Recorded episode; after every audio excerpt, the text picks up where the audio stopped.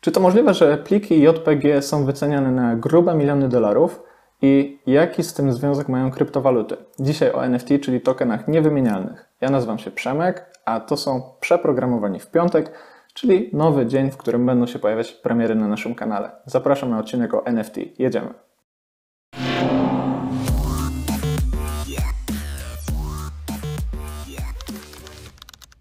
Jeśli tak jak ja interesujecie się nowymi technologiami, to zapewne w ostatnim czasie musieliście zauważyć ten właśnie termin, czyli termin NFT albo Non-Fungible Tokens, tokeny niewymienialne, które szturmem zdobywają nagłówki gazet, wdzierają się na portale branżowe, wdzierają się na Twittera, szczególnie tego skupionego wokół finansów, wokół handlu, wokół różnego rodzaju rynków inwestycyjnych. I może tak jak ja jesteście takim Januszem tematu kryptowalut, który chciałby wejść do całego tego świata NFT, ale właściwie zastanawiać się, jak to jest możliwe, że plik JPG, który mam zarówno na moim telefonie, który mam tutaj przed sobą, jak i na laptopie, który mam tutaj przed sobą, może być wart grube miliony. Temat jest na tyle gorący, że ostatnio nawet to pytanie usłyszałem na imprezie od mojego znajomego. Dosłownie było to pytanie sformułowane w taki sposób jak Słuchaj Przemek, no ty robisz w tych komputerach, jesteś tym programistą, powiedz mi jak to jest możliwe, że ludzie za pliki zaczynają płacić grube miliony? Przecież to wszystko można skopiować, przecież to wszystko można powielić. No i co ja wtedy odpowiedziałem? Ja wtedy odpowiedziałem, słuchaj stary, no nie mam pojęcia. Tak naprawdę nigdy się nie wgryzałem w ten temat, nie wiem jak to jest, nie wiem dlaczego nagle za pliki JPG zaczyna się płacić tak ogromne sumy. No ale musiało minąć troszkę czasu, żebym ten temat zrozumiał i powoli zaczął rozumieć całą tą wartość tego, czym właściwie są tokeny niewymienialne, czym są NFT i dlaczego możemy właśnie być świadkami kolejnego takiego wielkiego przełomu w świecie nowych technologii. No ale po kolei, żeby sobie poukładać całą tą dyskusję, żeby zrozumieć to, czym właściwie NFT są, chciałbym, mając już rozwinięty ten e, skrót, czyli NFT jako Non-Fungible Token, żebyśmy skupili się najpierw na tej części non-fungible, czyli tej części, która mówi o tym, że istnieją tokeny niewymienialne. Istnieją jakieś takie jednostki informacji, które zaczynają być niewymienialne. No i o co tutaj chodzi? Posłużę się tutaj takim przykładem jak przykład polskich złotówek. Mam tutaj dwie złotówki, dwie monety jednozłotowe. I teraz można się zastanowić, czy z punktu widzenia na przykład zakupu jakiegoś produktu Sprzedawca zacznie się przyglądać tej złotówce i zacznie zadawać pytanie, z którego roku jest to model, czy jest to model stworzony właśnie w takim miesiącu albo w innym miesiącu. No, oczywiście nie. Z punktu widzenia handlu, z punktu widzenia wymiany usług, wymiany dóbr, obie te rzeczy są wymienialne. To znaczy, nie ma znaczenia, czy ja zapłacę tą złotówką, czy ja zapłacę tą złotówką. Tak naprawdę nikogo to nie interesuje grunt, żebym przekazał coś, co reprezentuje wartość jednego złotego. Tak się akurat składa, że w naszym kraju reprezentuje to właśnie ta moneta. No i w zamian za to mogę otrzymać coś, co jest powiedzmy wyceniane na jednego złotego.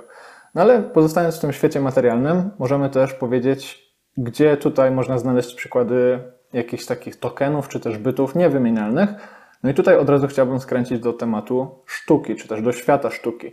Wyobraźcie sobie, że mamy Monalizę, mamy Gwieździstą Noc, mamy inny obraz znanego malarza i zaczynamy go powielać. Powielamy go bardzo starannie, jest to kopia tak dobra, że właściwie zaczynamy się mylić w tym, czy mówimy dalej o oryginale, czy o kopii i idziemy z taką kopią na aukcję. Oczywiście mówimy wszystkim, że to jest kopia. Jak reagują ludzie na aukcji?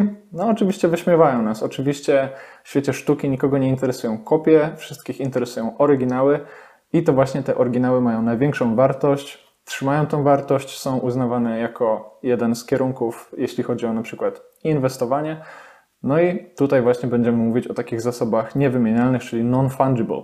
No i wiedząc o tym, że te wartości, czy też te zasoby, czy też te tokeny niewymienialne mają większą wartość, można się zastanowić, jakby to wszystko przełożyć do świata, powiedzmy, internetu, do świata digital, do świata cyfrowego. No bo właśnie tutaj zawsze istniał ten problem powielania absolutnie wszystkiego.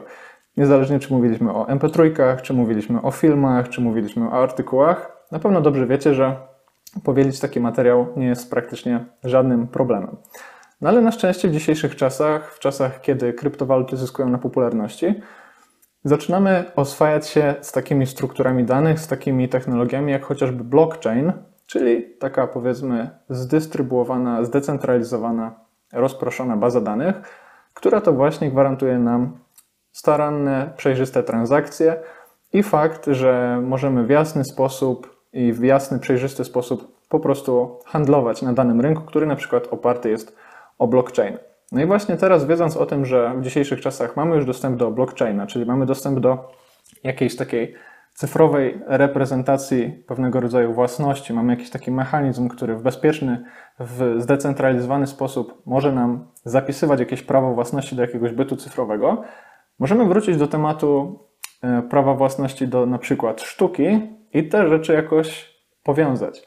No i tutaj właśnie pojawiają się NFT, czyli właśnie takie tokeny, które de facto są taką jednostką informacji zapisaną na blockchainie, która właśnie reprezentuje powiedzmy prawo własności do jakiegoś bytu cyfrowego. Non-fungible token będzie to taki zapis na blockchainie, który jedno, jednoznacznie określa, kto jest właścicielem danej porcji informacji i tą porcją informacji może być, czy to właśnie jak te branżowe, branżowe artykuły często mówią, może to być plik, może to być muzyka, może to być jakiś teledysk, może to być jakiś byt. Właśnie mówiąc o świecie cyfrowym, tutaj na pewno należy zauważyć, że jest to taka kolejna fala, taki naturalny kierunek, w którym wszyscy idziemy, czy też taka fala, na którą chcąc, nie chcąc, wszyscy się y, zapiszemy, wszyscy tak naprawdę będziemy podatni, będziemy się kierować właśnie w tę stronę. Dlatego właśnie tak ważne jest zidentyfikowanie tego, czym te NFT są i tak ważne jest to, że zaczynamy się posługiwać takim cyfrowym prawem własności. No i tutaj niektórzy pewnie słuchając tego mogą zadać pytania, gdzie tutaj jakaś taka innowacja, no bo przecież ja grając w Wiedźmina albo grając w Tibie też byłem w stanie handlować jakimiś zasobami, szczególnie w grach MMORPG czy też e, w FPS-ach handlowaliśmy skórkami, handlowaliśmy tak naprawdę czymkolwiek. No i dlaczego właśnie NFT zyskują tak bardzo na popularności, a te wszystkie obszary, które poznaliśmy do tej pory, tak jak na przykład właśnie gry, nie są jakby tożsame do tego, czym NFT są. Ano tutaj właśnie wszystko rozgrywa się o tą centralizację albo decentralizację tego, gdzie to prawo własności jest zapisywane. Blockchain ma to do siebie, że jest siecią zdecentralizowaną, czyli taką, w której nie ma jednego bytu, który tak naprawdę kontroluje cały przepływ informacji. Informacje o tym, kto ma dostęp do jakiegoś fragmentu informacji są zdecentralizowane, są rozproszone, dzięki czemu nawet jeśli jeden z uczestników takiej sieci po prostu przestanie istnieć albo się wypisze z tej sieci, to ta informacja o tym prawie własności dalej obowiązuje. No i tutaj na pewno można zauważyć, że to jest zupełnie inna sytuacja, jak właśnie w świecie gier, które tak naprawdę komunikują się z jakimś prywatnie zarządzanym serwerem, który to serwer można w każdej chwili zamknąć, albo po prostu firma może zbankrutować i w tym momencie te pieniądze, które wydajemy na przykład na jakiś zasób w grze, no po prostu idą do kosza. No i właśnie tu mamy taką różnicę pomiędzy prawem własności na blockchainie, czyli właśnie w tej sieci zdecentralizowanej, a jakimś prawem własności na przykład do skórki, do broni, którą przetrzymujemy na serwerze tego czy innego dewelopera gier. No więc mamy bardzo znaczącą różnicę, jeśli chodzi o to, co to znaczy tak naprawdę prawo własności w całym tym świecie cyfrowym.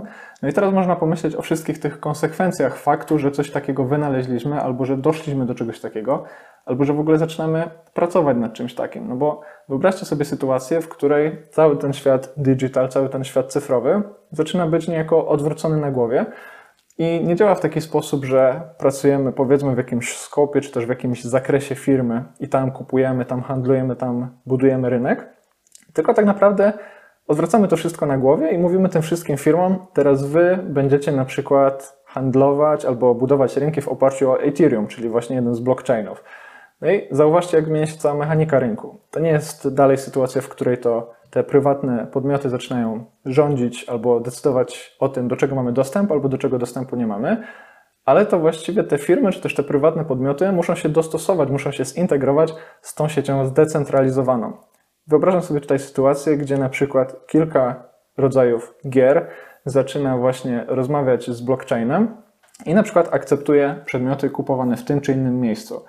Można sobie wyobrazić takie zdecentralizowane Simsy, czy też zestaw takich gier ala Simsy, gdzie to kupienie na przykład przedmiotu w jednej z gier powoduje jego transfer do gry numer dwa. Kiedy ja kupię tutaj kurtkę dla tego mojego awatara, dla tego mojego wirtualnego reprezentanta, to ta kurtka wciąż należy do mnie w innej grze albo w zestawie gier.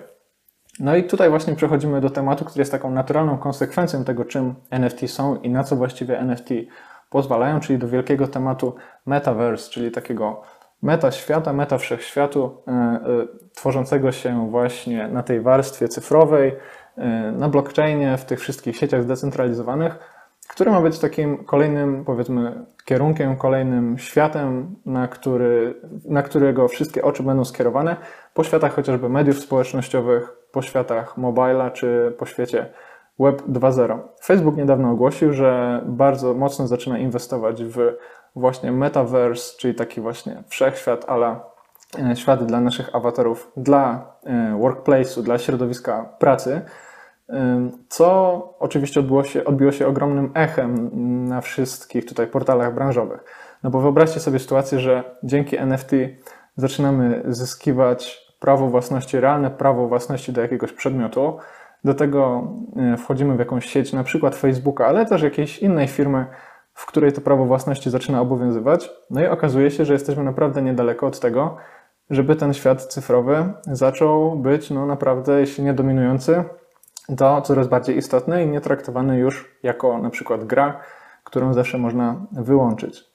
Jest to temat, o którym na pewno będziemy tutaj mówić zdecydowanie więcej, bo zarówno mnie, jak i Marcina ten świat kryptowalut, świat blockchaina, świat metaverse i tego skierowania się w stronę Web 3.0 bardzo interesuje, ale oczywiście nie chcę robić z siebie eksperta. Dajcie znać, jak głęboko wy jesteście wkręceni w ten temat, dajcie znać, kogo śledzić, gdzie w ogóle zyskiwać jakieś informacje na ten temat. No i dajcie znać, czy NFT rozumiecie już nieco bardziej.